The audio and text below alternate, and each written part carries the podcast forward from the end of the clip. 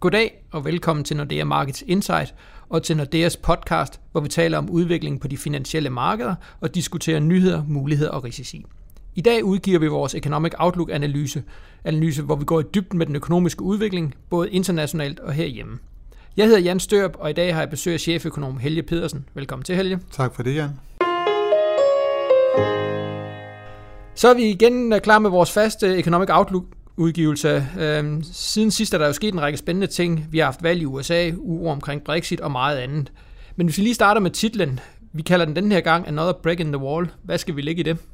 Jamen, der skal vi jo ligge i, at vi føler, at der for tiden bliver bygget nogle barriere op for den frie handel. Der har været meget tale om en antiglobalisering, øh, og vi ved jo også, at den nye amerikanske præsident Donald Trump i sin valgkampagne i hvert fald var ude og tale imod den frie handel. Så der er en symbolik omkring det, at der for tiden bliver bygget mure op for den frie handel, som vi forsøger på at illustrere med forsiden. Mm. Hvis vi så lige kigger i forhold til, til den prognose, vi udgav for tre måneder siden, hvad er så, hvad er så de største øh, ændringer den her gang?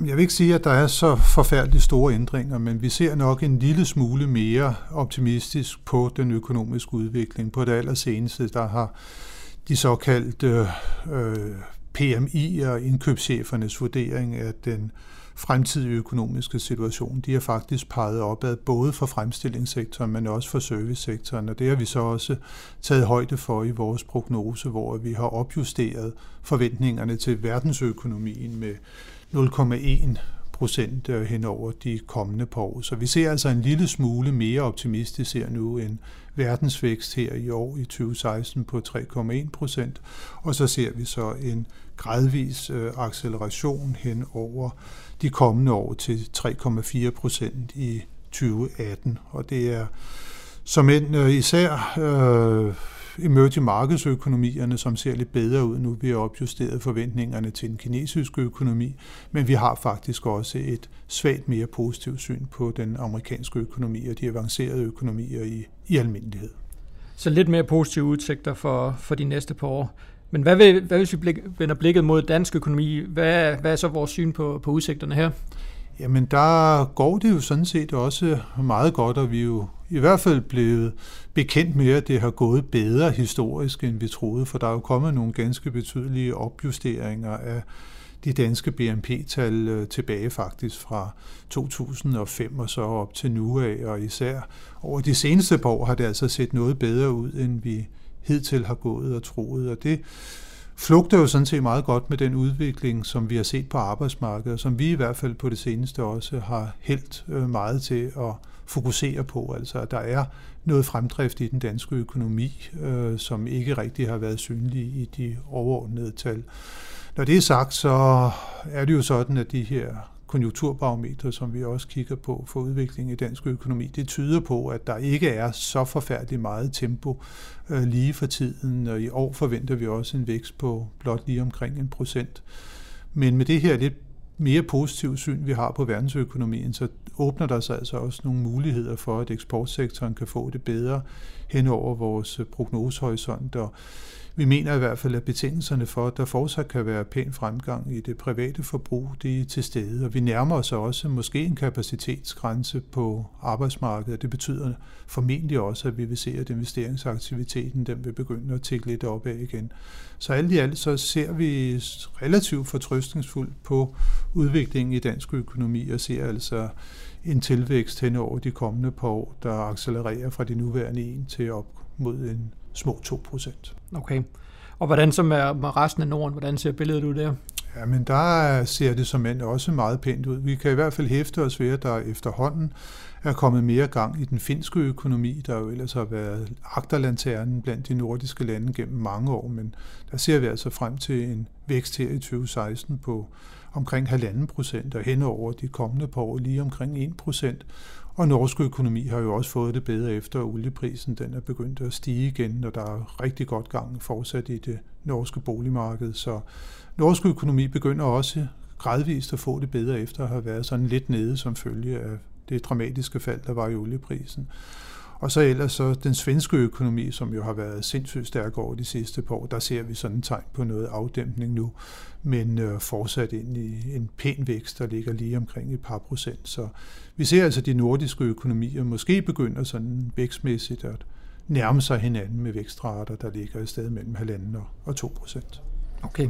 Hvis vi så vender blikket nu, nu snakker du i forhold til Norge og olieprisen, øh, så har der været rigtig meget fokus på olieprisen på det seneste, og vi har hørt, at OPEC-landene har indgået en aftale om at, at begrænse produktionen. Hvordan tror du, det kommer til at påvirke prisen? Kommer olien igen over 100 dollar? Ah, der tror jeg ikke, at vi skal helt op igen, øh, men det er rigtigt, at øh, det produktionsbegrænsningsaftale, som OPEC-landene indgik her for nylig, det har i hvert fald givet anledning til, at olieprisen er steget siden da med næsten 15 procent, og nu ligger omkring 55 dollar tynden. Og det er så til gengæld også sådan et niveau, hvor de amerikanske, amerikanske skiferolieproducenter igen kan begynde at komme på markedet sådan for alvor, og det betyder, at der formentlig snart begynder at være sådan lidt balance igen på udbuds- og efterspørgselssiden, og hvor vi altså nok kommer til at se olieprisen, den kommer til at stige øh, noget mere, måske op omkring en, en 60-65 dollar tynden, men så næppe heller mere. Så jeg tror altså ikke, at vi skal vente, at vi kommer helt tilbage over 100 dollar tynden, som jo ellers var en ligevægtspris, mente vi i hvert fald for bare få år siden. Mm. Noget andet, der har fyldt rigtig meget i, i nyhedsstrømmen, det er jo det amerikanske præsidentvalg, øhm, og det var jo nok en stor overraskelse, i hvert fald for de fleste, at Donald Trump jo rent faktisk vandt valget. Øh, på et tidspunkt, der var I ude at sige, at det kunne blive recession i USA, hvis han vandt. Øh, er det så det, vi lægger op til nu? Det er det ikke helt. Øh, det, som vi jo sagde inden valget, det var, at der var en stor risiko for den amerikanske økonomi, hvis det var, at Trump han bare kørte frem med sine øh, protektionistiske udtalelser, og det kunne føre til en kraftig stigning i de amerikanske forbrugerpriser og Måske også en øh, generel nedgang i økonomien, som følge af, at der kunne blive tale om en international handelskrig. Det var sådan et risikoscenarie, vi stillede op omkring amerikansk økonomi. Nu må vi jo så også erkende, at øh, de finansielle markeder tog rigtig godt imod Trump. Vi har set, at aktiemarkedet har steget næsten konstant siden, og den amerikanske dollar er blevet styrket.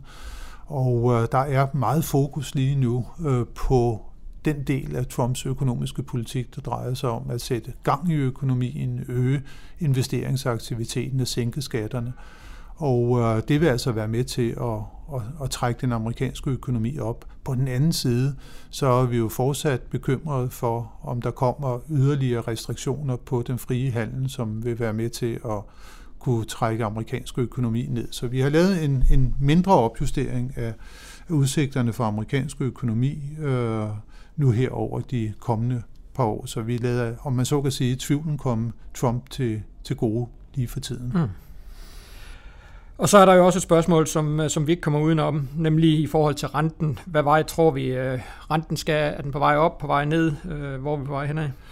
Ja, det er jo et af de, de gode spørgsmål, men øh, igen, som vi snakkede om før, så er der udsigt til, at der kommer lidt mere gang i den amerikanske økonomi, og det er jo på et tidspunkt, at man ekspanderer finanspolitikken, hvor der næsten er fuld øh, udnyttelse af arbejdskraften, så der kan godt komme et tiltagende lønpres i USA, og det begynder markederne også at, at lægge op til. Så vi har set, at de lange amerikanske renter, de er steget ret kraftigt, øh, siden Trump overtog øh, eller vandt præsidentvalget. Han har jo ikke overtaget magten endnu. Det er jo først 20. januar, han indsættes som præsident. Øh, Øh, men øh, renterne de er kørt op i den lange ende, og der er også forventninger om, at den amerikanske forbundsbank kommer til at, at sætte renten op måske mere, end det tidligere var forventet. Så jeg tror, kigger vi på amerikansk økonomi, der er rentebilledet ret entydigt opad.